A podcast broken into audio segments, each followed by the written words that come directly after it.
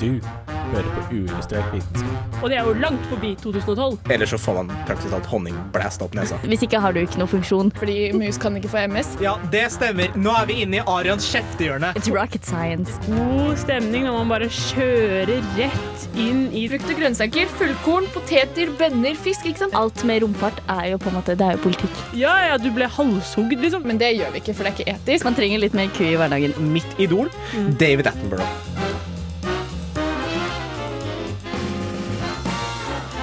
Hallo, hallo, og hjertelig velkommen til denne ukas sending av Uillustrert vitenskap. Vi er eh, rett og slett eh, tilbake fra en lang og lang sommerferie. Ja, velkommen tilbake, Kristine. Ja, Men eh, jeg er veldig klar for å starte. Jeg heter Kristine, og med meg i studio i dag så har jeg eh, vår kjente Arian. Hei, hei.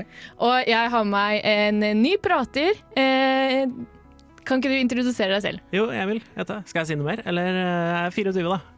Ja. Mm. Og eh, du har med en fun fact, kanskje, siden det er første gangen din her. Ja, Som eh, er tradisjon i Uillustrert. vi hadde et sånn veldig, veldig eh, morsomt øyeblikk i sommer, fordi jeg fant ut at jeg er slekt med ingen yngre enn Lill Bendris.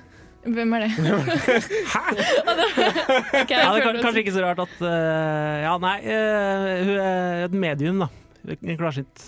Å ja, en klarsynt person. Ja, men da det, tenker jeg at det er, det er helt perfekt. Ja. Eh, det er faktisk det eneste vi trengte å vite om deg. Mm. Ja. Så bra. Og i dag så skal det handle om eh, valgforskning, fordi det er jo snart valg. Det vel Eh, det. og det blir veldig spennende. Men vi skal komme litt inn på hva er det egentlig eh, som ligger bak eh, det der at du går og stemmer, eh, og så får vi en regjering. Hva, hva mer er det til enn det? Fordi det er egentlig ganske mye. Det trodde ikke jeg. Jeg skal ærlig innrømme at jeg bare stemte, og så trodde jeg at det ordna seg. Eh, og det gjør det jo, selvsagt, men det ligger ganske mye bak som jeg syns det er verdt å, å ta en liten kikk på. Så det får vi rett og slett etter vi har hørt Wolfpack med Back Pocket her på Radio Revolt. Demokratiet. En nydelig, ideell styreform. Alle har noe de skulle sagt. En påvirkning på nasjonens fremtid. Enkeltpersoners medbestemmelsesrett. Ytringsfrihet, politiker, Borgerplikt. demokrati. Men hvor mye kan du egentlig påvirke noe? Som en dråpe i havet som består av flere millioner mennesker som er lett påvirkelig av populistisk valgflesk og Instagram-reklame. Er valget egentlig rettferdig? Og det skal vi snakke om i dag på Uillustrert vitenskap. Det var kanskje litt hardt å ta i da, om valget var rettferdig, men, men jeg syns nok kanskje det at eh, for at vi skal kunne for at vi skal kunne stole på systemet, så må vi vite litt om det i ekte uillustrert ånd. Eh, og eh, da jeg begynte å lese på dette, så fant jeg ut at det var veldig komplisert. Så jeg skjønner at det går an å ta en master i statsvitenskap. på en måte Det respekterer jeg nå. Altså, Tror du også det er noen som eh, vil eh, være litt, i hvert fall litt uenig i at eh, demokratiet er altså, helt perfekt? Ja, det har jeg også funnet ut av når jeg har gjort research på dette. Ja. det er mange, det er, eh, mange uenigheter innad i demokratiet også. Mm. Mange som mener de ikke får sagt nok. Mm. Og mange som mener at noen sier for mye. Men er ikke det på en måte altså, fundamentet for at vi får et velfungerende samfunn? da? At vi rett og slett alle må møtes i midten et sted? Ja, men hva er midten? Jeg tror det kanskje er problemet. Ja, det er en litt vanskelig sak. Ja, Men hvorfor, hvorfor driver man med forskning på eh, Hvorfor driver man med forskning på eh, valg, egentlig?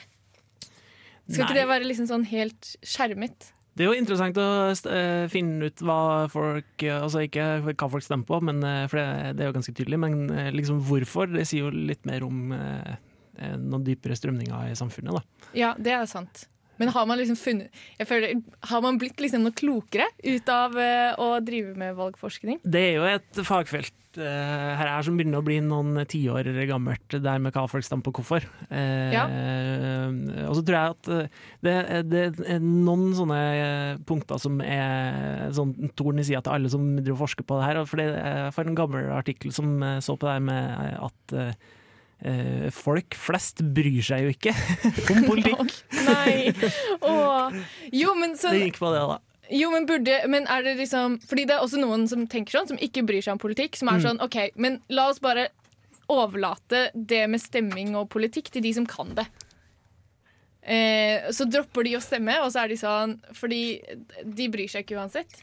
Og tenk hvor, tenk hvor fin og ryddig verden har vært da, hvis man kunne ha delt eh, verden inn i to, eh, enten- altså dumminger og smartinger, og så kan vi bare la de, de som er smart, styre. Det har vært, det har vært fint. Det hadde vært fint. Men da Det hadde veldig oppnådd et nytt problem, og det er sånn hvem er dumme, og hvem er smarte?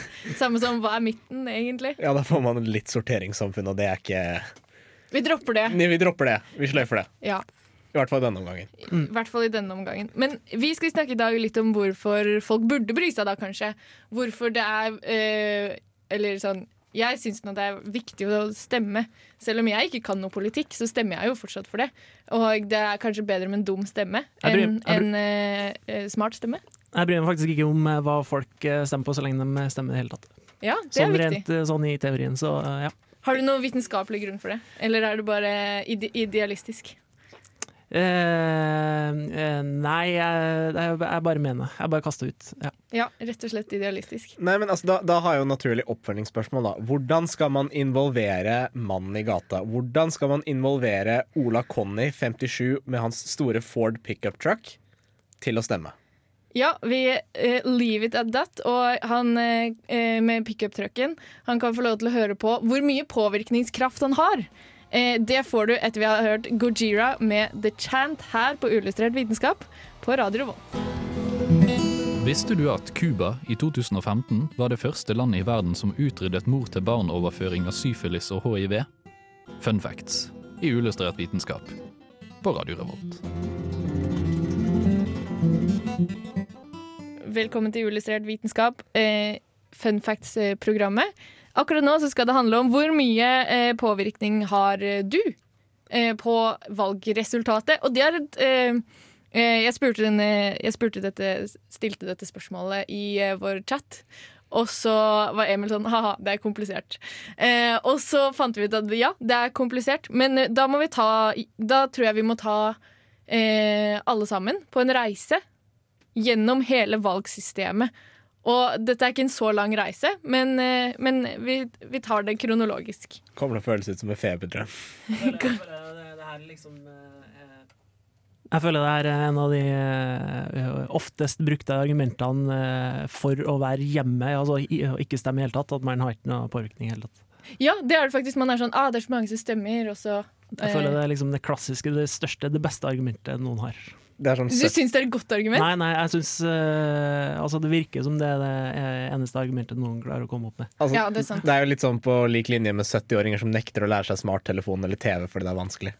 Ja, ja. Ja. Jo, Ja, det er nesten. Ja, jeg føler, ja, det er litt likt. men dette, er- dette er vanskelig. Og eh, ja, mitt nivå på dette, før jeg eh, begynte å gjøre research på det, var eh, jeg går og stemmer og trodde flertallet eh, vant. Sånn, typ sånn, eh, hvis flest i Norge har stemt på et parti, så vinner de eh, valget. Eh, og så fant jeg ut at det var ikke sånn i det hele tatt. Dette er egentlig et sånn intrikat system med masse matte.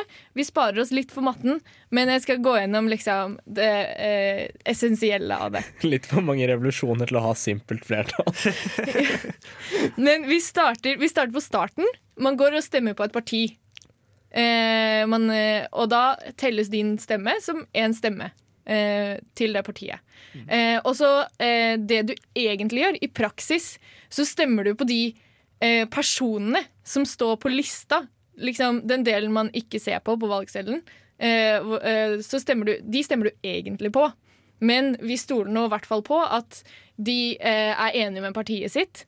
Noe de ikke egentlig trenger å være. Det er sjukt. Du kan, melde deg, du kan komme som mandat, og så kan du melde deg ut av partiet ditt. Og så kan du være sånn lol. Velkommen til representativ demokrati. Ikke sant? Eh, men vi i hvert fall stoler på at disse menneskene gjør en god jobb da, for det partiet, for det området. Så for eksempel i eh, Hvis du er eh, bosatt i Trøndelag, eller Trondheim, da, eh, så eh, stemmer du på folk fra Trøndelag valgdistrikt. Og eh, Trondheim da, er en av 19 valgkretser. Em, og så dette skjer sånn 19 steder rundt i Norge. Tilsvarende gamle fylkene, ikke det? Jo, det er de gamle fylkene, ja. Ja. Så uh, Jo, det er ikke Trøndelag. Det er Nord-Trøndelag og Sør-Trøndelag, ikke sant? Mm. Ikke helt Trøndelag. Så vi er Sør-Trøndelag her i Trondheim. Uh, og hvor mange mandater hvert distrikt får på Stortinget til slutt, det avhenger av uh, folk i folk i fylket, og arealet. Eller på området, da. Du kan ikke kalle det fylke nå som ikke er fylke lenger. Eh, og arealet telles faktisk nesten dobbelt så mye som personen, men det er mest for å jevne ut, sånn at ikke Finnmark skulle fått sånn kanskje null eller én personer. Eh, basert på dette regnestykket, da. Fordi det er ganske Ja, det, det er vekta Eller det blir sånn at eh, Finnmark får for eksempel, for fem eh, personer inn på Stortinget, mens eh, Oslo får 19. Så det er fortsatt sånn at de største stedene får eh, flest mandater, da. Men det er en ganske god deal. da Det er jo sånn to personer som bor i Finnmark. Så de er jo fem personer som representerer dem. Ja, ikke sant? Du trenger ikke mer enn det.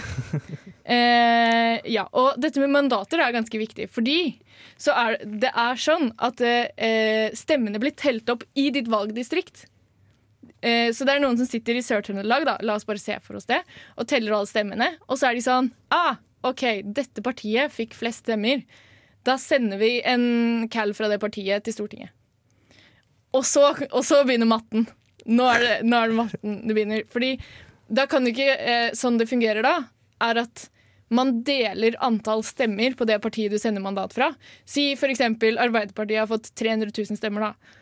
Og da eh, må du dele det på 1,4, og så er de med igjen i liksom, tellinga. Og hvis de fortsatt er størst etter å ha delt tallet på 1,4, så får de en til kar. Så det er en sånn rekke med sånne deletall som skal dele alle partiene sine stemmer på, og så er det Ja. ja. Så blir de delt ut etter hvor mange mandater distriktet, valgdistriktet har. Ja, eh, ja, ja, sånn for eksempel Finnmark som har fem, de må gjøre dette fem ganger. Sjekke hvor mange, dele, sjekke hvor mange, dele. Mm. Eh, mens Oslo må gjøre dette her 19 ganger. Eh, så da er det jo liksom eh, Ja. Litt mer pain. Og, da, og, og der eksisterer ikke sperregrensa. Så si eksempel at hele, hele Finnmark stemmer rødt, eh, og Rødt havner under sperregrensa. Eh, så kan de fortsatt få fem mandater inn på Stortinget, selv om de er under sperregrensa. Var ikke det som skjedde med Rødt i, eller MDG i forrige eller stortingsvalget før? De, eh, jeg tror de havna under sperregrensa, eh, fordi det- sperregrensa går på de andre mandatene, de utjevningsmandatene. Ja. Og da blir jo på en måte hele, hele landet valg, ett stort valgdistrikt på de mandatene. Ja. Men var ikke da de fikk inn ett mandat fra ett fylke eller et eller annet sånt? En av de partiene. Ja, det kan, det kan eh, Jeg ikke, ja. stemme. Det Mm. eh, ringer noen bjeller Ja, inni der. For, ja. Så liksom, hva, hva er egentlig sannsynligheten da for at hvis alle på Lattis bestemmer seg for å stemme Pensjonistpartiet, hva, hva er sannsynligheten for at vi får en pensjonistpartiregjering? Jo, men hvis alle stemmer på de, så kommer de jo inn. Det er jo, da blir de jo store. Eh, Jeg tenkte altså i de litt mer nordlige distriktene. Å ja, nei, det, fordi da får de jo De får fortsatt da bare et begrenset antall eh, mandat på Stortinget. Eh, og hvor langt kommer du med fem personer på et storting, på en måte? Det eh, er jo Det kommer jo litt an på veldig mange ting, da. Ikke Men langt. sånn, fem personer kan ikke danne regjering. Men i hvert fall, da. Eh, da har vi alle disse menneskene som kommer fra alle disse stedene. Man har eh, bestemt seg for eh, hvor mange mandater som skal inn på Stortinget fra hver regjering. Og så er det noen som er sånn Hæ? Men da kan det jo bli sånn at et parti som har fått f.eks. 50% av stemmene, de kan få færre enn 50% av mandatene inn på Stortinget. Det er ikke rettferdig. Det er noen som mener, eh, og det stemmer. Eh, og derfor så har man laget et sånn eh, utjevningsmandater, da, som det heter, som, gjør, som går på rent flertall. Som jeg har forstått det. Eller litt mer på rent flertall. Da samler man alle stemmene fra hele Norge, og så tar man og gir mandatene til de som har fått flest stemmer. Nå ser jeg bort på mine venner. Ja, um... Eh, ja, jeg husker ikke akkurat detaljene på hvordan de fordeles, men eh, det går på, i hvert fall på hele landet. Ja, og det, Du samler i hvert fall stemmene fra hele landet, Mm. og så tar du da eh, og fordeler da de mandatene. Det er vel 19 av de òg, er det ikke det? Ja. Ja. Men da kan det bli sånn at eh, små partier som akkurat ikke har fått eh, noen mandater fra noen av distriktene til sammen på landsbasis, eh, hvis de da smyger seg over sperregrensa, så kan de få eh, noen mandater på Stortinget på den måten. Da. Ja, og, Det er jo, og det er jo der sperregrensa kommer inn. Fordi hvis du da skal være liksom mulig å få noen av disse utjevningsmandatene, så må du ha over 4% Dette er sperregrensa. jeg tar det tilbake. Jeg Simpelt flertall høres så mye enklere ut. Ja, mye enklere, men det er jo mange som da vil argumentere for at det er en eh, eh, er en dårlig løsning, da. eh, og er litt lett påvirkelig. Og eh, det betyr at for eksempel eh, Det første argumentet jeg kom på, er jo da at da ville jo Oslo styrt Norge. Jeg har en, fun- jeg har en fun fact, da. eh, Fordi Ja. det, er jo noen, eh, det er jo noen eh, land man har sånn eh, system hvor eh, winner takes it all og sånne ting. Eh, Hvor da kretser, alle kretser har én person, eh, dem, eller altså ett mandat, og det mandatet går til det største partiet. Eh, Og da i sånne land så vil man nesten alltid få et eh, system med kun to partier. Ja, Sånn som i USA, for eksempel. Det hørtes veldig kjent ut. ja, jeg skulle si det var mistenkelig nærme USA. Ja. Men eh, ja, Storbritannia også, eh, for så vidt. Det er jo eh, eh, Ja. Men, Ja. men da kommer man jo inn på et interessant problem som er gerrymandering. Hva er det? Eh, altså at man kan endre på disse valgkretsene for å få et flertall da, som er, tilhører én politisk tilhørighet. Ja, det er jo også et problem med denne muligheten. Da. Så, så derfor så fins det veldig mange måter å gjøre demokratiet på. En annen måte å gjøre demokratiet på Der er det noen mennesker tror de kan hijacke dette systemet og stemme strategisk. Eh, og eh, vi skal komme litt tilbake til eh, om man burde stemme strategisk, og hva denne strategien kanskje egentlig går eh, ut på. Men eh, før det så skal vi høre Musti, men resten av OK, Rosa blomst. Signing the Paris Agreement is the worst way to celebrate Earth Day. As, a, as an atmospheric gas, it's a plant nutrient. So Obama's talking about all of this with the global warming and that, and a lot of it's a hoax. It's a hoax. Miljø er et sykt viktig tema å ta stilling til. Og det kan du gjøre her, på Uillustrert vitenskap. Ellers kan du gjøre det i eh, valget. Fordi i dag så handler det om eh, valg. Og eh, vi snakker om det å stemme strategisk. Fordi det var en kar som sa det til meg en gang. Som var sånn Å, jeg er egentlig mest enig med dette partiet, men jeg tenker at i dette valget så skal jeg stemme strategisk. Og jeg var sånn Dette måtte jeg rett hjem og google. Fordi kan du bruke strategi til å få liksom din vilje på Stortinget? Er det liksom en greie? Mødre på Facebook har gjort det i mange år. Mødre på Facebook. Det er de jeg skulle spørre. Nei, men det jeg har funnet ut, da, det er, jo, eh, det er jo at man stemmer på et parti som man ikke er mest enig med. Eh, og så kaller man det strategi. Er det egentlig en strategi? Nei. Ja, nei, men Jo, litt.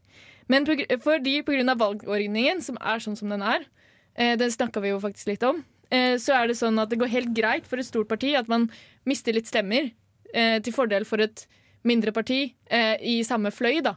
Så det er noen som gjør det for å få liksom, andre partier over sperregrensa. Eh, sånn som eksempel å stemme på Rødta eller MDG for å få de over sperregrensa, for da er det mer sannsynlig at det blir en regjering på den fløyen. Så det er faktisk noen som gjør. Men eh, så leste jeg også det var en valgforsker som var sånn Ikke gjør dette her!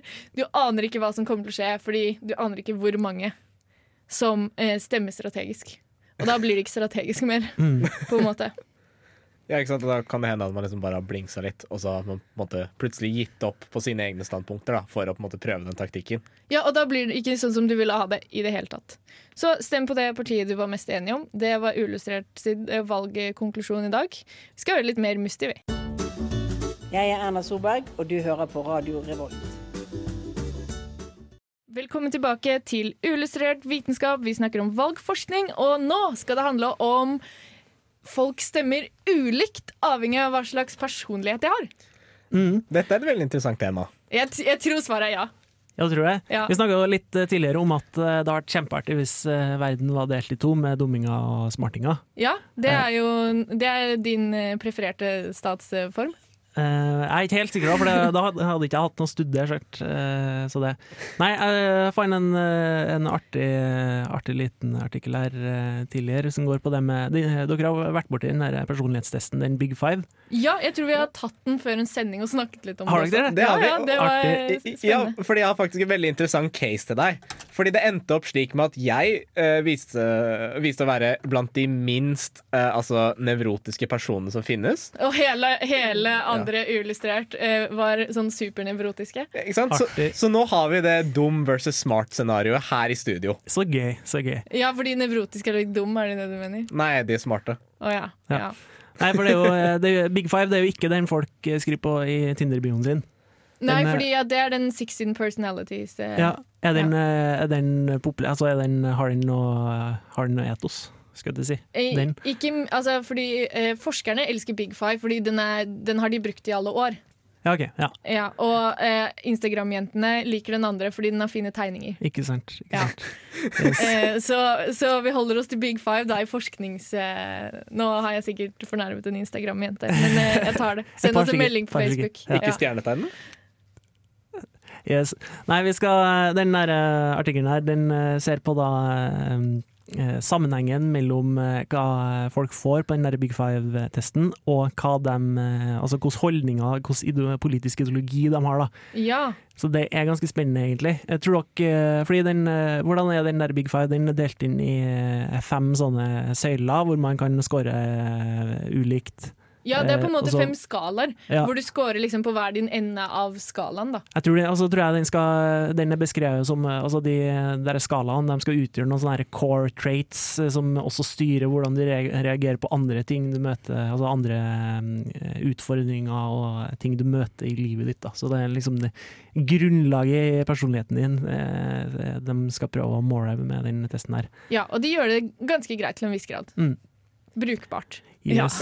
Nei, den uh, artikkelen her den finner at uh, vi, kan- vi kan gjette da, det, der, um, der resultatene er klarest, det er på det, det som kalles for openness to experiences, hvor åpner man etter nye nye eh, Opplevelser, ja. takk. Og det som heter consciousness, som er hva blir det, planmessighet eller noe sånt. Ja, consciousness conscientiousness. Det er på en måte uh, hvor orden du har på livet ditt, mm. eh, på norsk. Mm. jo, jo, men det er jo det. Yes. Nei, så har det, eh, de respondentene på den her, eh, de har da svart da på eh, noen sånne politiske, ideologiske spørsmål, og så har de kommet fram til tre sånne, eh, tre sånne politiske sånn, ja.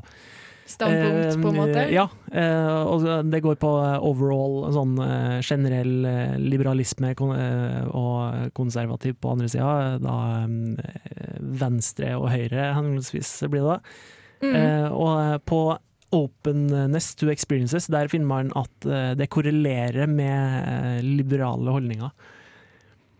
Ja. Så, Ja, som de- vil si at folk som scorer høyt da, på openness to experiences, også eh, er det samme folka som gjerne oppgir at de eh, har eh, liberale holdninger til eh, da generelt, på, altså på alle de tre parametrene vi snakker om, både sånn eh, generelt og på eh, sosiale eh, politiske spørsmål og på eh, økonomiske spørsmål da, i, i, ja, i politikk. Det virker som ganske mange sammenhenger. Jo fordi, jo, fordi jeg tenker sånn Ja, eh, for liberalt, det vil si da venstresiden eller høyresiden? Venstresiden. Venstresiden. Så da eh, vil jo si at folk som er åpne til nye ting, eh, liker å stemme på venstresiden. Mm. Egentlig. Eller oppgir at de har en ideologi som ja, er den samme som vi forbinder med den eh, amerikanske, verden, eh, eh, amerikanske verden, venstresiden. Ja, og den amerikanske venstresiden er jo vår høyreside, da. Men vi kan jo tro, vi kan jo håpe, eh, anta at det er liksom eh, En analog, nesten. At det funker på norsk politikk også, da. Ja, jeg tror det er noen som vil rynke på nesen og si at app, app, app, men eh, det, vi kan jo i hvert fall håpe. Vi kan- at, eh, vi- at, at eh, det i noen grad er oversettbart, i hvert fall. Ja. Og så går det på det med consciousness Nei, conscientiousness. Consciousness? Conscientiousness. Eh, plan, et plan eh, ja, styr på livet. mm, styr på livet. Eh, den går i andre retninga. Ok, Så de som har mye styr på livet, Mm. eh, de liker å stemme på høyresiden. Og her har vi en sånn god clickbait-tittel. Folk som ikke har styr på livet, stemmer på venstresiden. Og, og det er sånn, det er sånn, det er sånn derre eh, peak slutten av valgkamp-tittel. Eh, eh, sånn Nå skal vi bare sverte alle andre partier. Ja. Nei da. Hvordan, men hvordan er det på For det er jo en sånn skala som går på um, ekstroverthet. eh, På den Big Five, er ikke det? Jo, den føler jeg Hvor- kunne slått ut i begge retninger. Ja. Hvordan, hva, hvis dere skulle tippe, da, eh, for det, det er en, eh, klare tall der også, er ikke, eh, altså, eh, effekten er ikke like stor. Men, Men det er klare tall? Det er klare Mm. tall. Tror du ekstroverte stemmer på, eh, eller i større grad plasserer seg sjøl på venstresida eller høyresida i eh, Amerika? I Amerika er høyresiden 100% Ja, ja, ja. Har du sett Jordan Peterson Nei, og nå ser det ut som vi tar feil. Jeg tror det. Har vi rett? Er det, Eh, jo, altså dem eh, som er ekstroverte, eh, er i større grad eh, konservative. Ja, Ja ja. Det er høyresiden. Mm. Ekstroverte folk med orden på livet. Mm. Ikke sant. Enn på agreeableness, da. Det må være, Veldig lite. Det må Der- være venstresiden.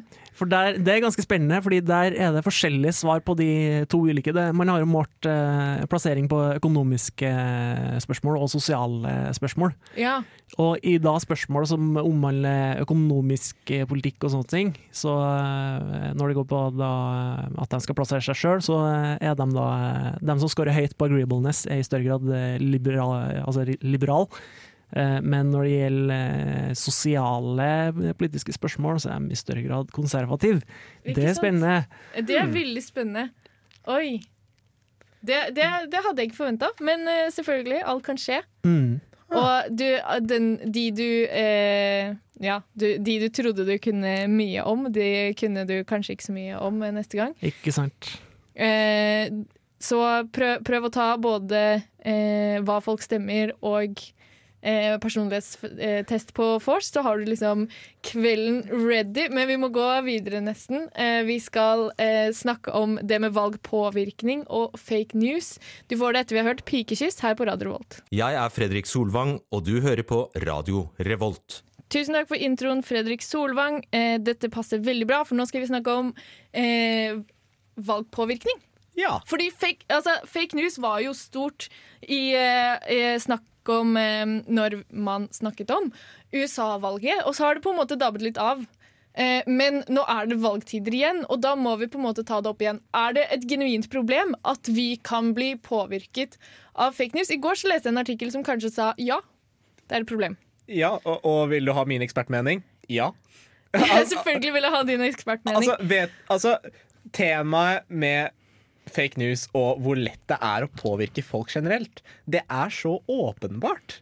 Altså, Man trenger ikke å gå særlig langt for å finne ut at å, vi hadde et slikt stort eksperiment her i Norge for ikke så lang tid siden. Tenker du på NRK sitt eksperiment, liksom? Ja, fordi jeg gikk på den videregående skolen. Og det var, Nei, serr, var du der? ja, jeg, jeg var der da det skjedde. Wow, Shout out til stemmer, selv. du, stemmer du Senterpartiet nå? Nei. Nei, men altså, jeg synes det var så gøy at man liksom eh, rett og slett ved å anvende litt ulike retoriske taktikker, som vi kan snakke om litt senere, Ja. kan, kan overbevise folk på en så enkel måte ved at man rett og slett bare eksponerer dem hele tiden. Fordi sånn som uh, mange, har, det mange har som sin hovednyhetskilde nå til dags, hva er det?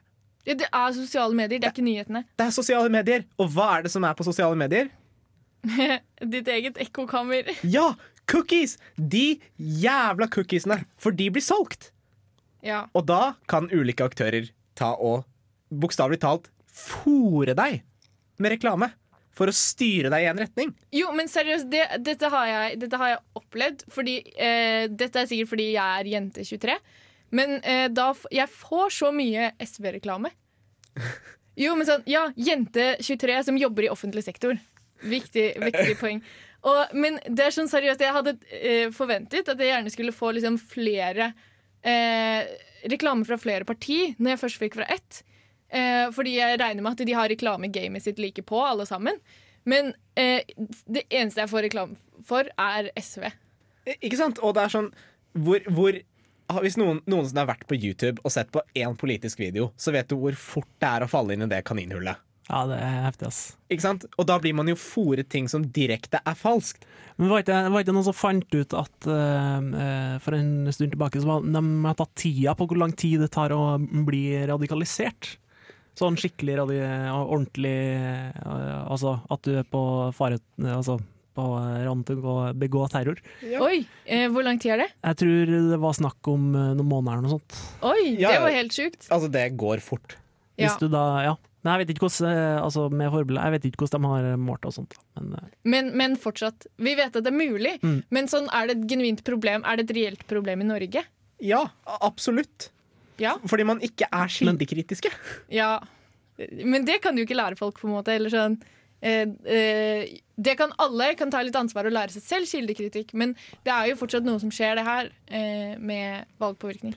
Men fake news har ikke alltid på en måte vært et, eh, har ikke alltid vært til stede. Det, det har alltid vært til stede, men i den, altså, i den tiden vi lever i nå, så har du et veldig individualisert nyhetsbilde som du får fòret til deg. Ja, men har, Er det så individualisert? Det er jo, tror, det er jo ikke sånn at uh, mediehusene lager spesielle altså, eh, nyhetssaker som bare skal treffe noen. Nei, men det er fordi mange ikke benytter seg av nyhetshus, altså mediehus som primær nyhetskilde. Ja, Det som for eksempel det som Ja. er Fordi et mediehus er jo redaktørstyrt. Ikke sant? Du Mm. har noen som passer på Mm. at man belyser alle sider av en sak. Mm. Eh, og det er jo problemet med sosiale medier, at de ikke gjør det. Eh, jeg kjenner meg liksom ikke igjen at eh, sosiale medier er primær nyhetskilde, men det er jo bare meg. Det kan hende veldig mange andre ikke har det sånn, da. Jo, ikke sant? Og for, for de aktuelle personene så blir det jo profilert. Mm. Og da er det kjempeenkelt å målrette mot den personen. Mm. Eh, vi skal gå litt videre og snakke om populisme, som er eh, ganske inn på det samme temaet. Virkelig. Eh, vi skal, men før det så skal vi høre Unge Ferrari, f- ja, Ferrari med 'Balkong'. Hei, jeg heter Markus Haall, og etter overveldende vitenskapelig bevis er det helt sikkert at du hører på uillustrert vitenskap.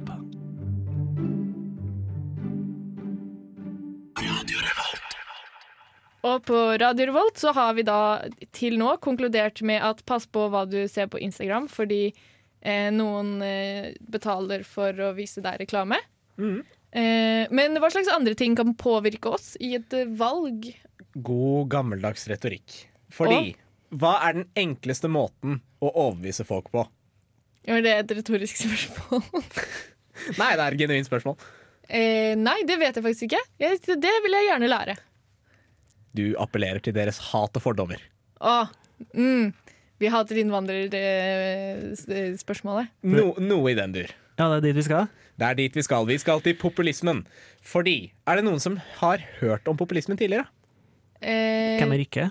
Ja, det, det er liksom litt sånn. Men eh, ja, vi har jo hørt at det er et begrep. Men jeg kunne ikke forklart hva det var til noen. Nei, rett, rett og slett populismen kan defineres på mange måter. Men eh, det mange velger å definere det som, da, er rett og slett som et sett med argumenter som benyttes for å rettferdiggjøre et oss mot dem-tankesett. Altså at man forherliger oss, folket, de som lider, mot eliten. Den lille majoriteten som er en tyrann som eier all makt i samfunnet. Og eh, grunnlaget for nesten alle kriger i eh, hele historien. Ja, og, og det, som, det som er så interessant, da, er jo at populismen er jo rett og slett basert på demokratien, fordi majoriteten bestemmer. Ja. Men problemet er at majoriteten bestemmer uten at man tar hensyn til andre grupper i samfunnet. Ja. Så det er litt sånn simpelt flertallopplegg. Det er ganske mange, ganske mange forskjellige definisjoner av populismebegrepet. der. Jeg, har en, eh, jeg kjenner en som eh, har eh, jobba, eller studert eh, statsvitenskap på mastergrad et par år over meg, jeg studerer jo sjøl, og da han sa at eh, det var ett et tips, eller eh, flere tips, men ett av dem det var å ikke skrive om populisme på, på mastergraden, fordi Eh, ja, Grunnlaget for det var for at eh, da kan du ende opp med å velge en definisjon som noen bare er uenig i, og da får du, kan du få eh, i verste fall dårligere karakter fordi eh, sensor ikke liker definisjonen din. Oi, men fordi de føler seg truffet sånn- truffet selv, sikkert, da? Ja, nei, jeg vet ikke, men det er bare folk er uenig i hvordan man skal de definere begrepet, så da, ja. Men det, det, Oi, det er det som kanskje er vi får sinte mails? Mm. Det hadde vært gøy. Send oss sinte mails. Nei da. Nei, det er det som er problemet, for det er ikke lett å avgrense temaet populisme. Nei. For det er, jo ikke en, det er jo ikke nødvendigvis en ren ideologi slik som marxist-leninismen eller kapitalismen. Men, Nei, men vi er i ideologigata. men vi er i ideologigata-ish. For jeg trodde, tenkte populisme på en måte var å eh, fri til, eh, til eh, den generelle hop. Eh, med noe som alle kan være enig i at de vil ha. På en måte At du skaper oppslutning eh, rundt et ganske enkelt tema som alle kan si seg enig i. Ja, men det, det vil da på en måte også falle inn under en gren av retorikken, altså av en retorisk virkemåte. Ja. Eh, og det er det som er problemet. Men det vi ofte ser, er at, altså at populismen det dukker opp på begge sider av det politiske spekteret. ja, helt klart. Fordi det mange gjør en feil av, da, altså, det er at man kun assosierer populismen med det å være en fascist eller være autoritær. Men det er jo fort veldig feil. Mm. Fordi man kan jo være uen... Altså man kan jo ha populistiske argument om forskjellige saker, Blant annet så kan man ha det om innvandrerspørsmål, som du reiste tidligere, Kristine. Men man kan også ha det i spørsmål om inntekt og økonomiske saker. Ja, som for eksempel Nei, altså at man tenker Å, hvorfor er det så store lønnsforskjeller mellom eh, folket her kontra folket der? Altså typ Hvorfor tjener utlendere så veldig lite kontra hvorfor tjener rike folk veldig mye? Ja, ja. Rike hvite folk veldig mye. Men man kan jo også anvende populistiske argumenter om blant annet feminismen. OK? Ja, fordi det finnes forskjellige argumenter, og her er det jo liksom forskjellige måter å tenke på. Men et populistisk argument blant annet vil være at det er en gruppe med en liten, rik, hvit elite av menn som er årsaken til at det er konstruert et patriarkalsk samfunn. OK? Og det vil være et populistisk argument fordi man frir til den store gehop at det er en liten mengde Gamle hvite menn som styrer Norge. Og derfor så burde vi oppslutte rundt feminismen, fordi vi hater gamle hvite menn. Ja, og det er et populistisk argument, selv Ja. om det nødvendigvis ikke er feil. Jo, jo, men sånn Ja, det er jo eh, Det trenger ikke å være feil for å være populistisk, på en måte. Nei, Ja. nettopp det. Populistisk er bare en måte å beskrive en type argument på. ja, Som gjør at vi hater en gruppe mennesker. Du kan også Ja. se det på en måte i, eh, i valgkampen nå. Det er jo ganske mange av partiene som har valgt sånne slagord, og i hvert fall opptil flere av dem har eh, Eller prater om fol folk flest, eller vanlige folk, når det er vanlige folk sin tur. Ja, det, er, det er fascinerende at liksom nesten alle valgkampslagordene er helt like. Mm, eh, og så lenge den, eh, eller det begrepet går på bekostning av den li eliten som står på andre sida, som eh, vi ikke skal tenke så høye tanker om, Uh, ifølge det her slagordene, så eh, kan man jo på en måte også eh, skrive det som populistisk, uh, populistisk retorikk. Ja, Men får det flere folk til å stemme, eller får det an folk til å stemme annerledes? Det gjør faktisk det. Man må tenke litt over det, i hvert fall. Hvis noen er sånn OK, vi hater gamle hvite menn, så må du tenke ei, dette var et virkemiddel, jeg skal ikke la meg påvirke. Nettopp. Og Det det er er der vi er. derfor kildekritikk er så viktig. Ja. I dag så slår vi et slag for kildekritikk. Det syns jeg, synes jeg var vakkert. Stem ja til kildekritikk. Stem ja til kildekritikk. Tango Delta. Touchdown confirmed. Uillustrert vitenskap. Safely on the surface of Mars.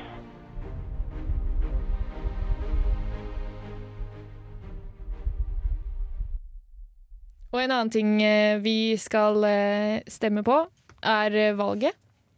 Eh, Fordi, fordi det snart er valg, og vi vil oppfordre alle til å stemme. Eh, Fordi du, din stemme faktisk har ganske mye å si, selv om vi ikke helt kan forklare akkurat hvor mye. Men hvis du, hvis du har lyst til å gjøre dette regnestykket, så vær så snill og gjør det eh, med alle valgdistriktene og hele pakka. Og send oss en melding på Facebook, fordi dette har vi veldig lyst til å vite. Uh, altså Grunnen til at folk skal stemme, det er jo fordi at uh, vi har et system som, er, som ikke er rigga for å finne, finne den beste politikken, men for å sikre representasjon.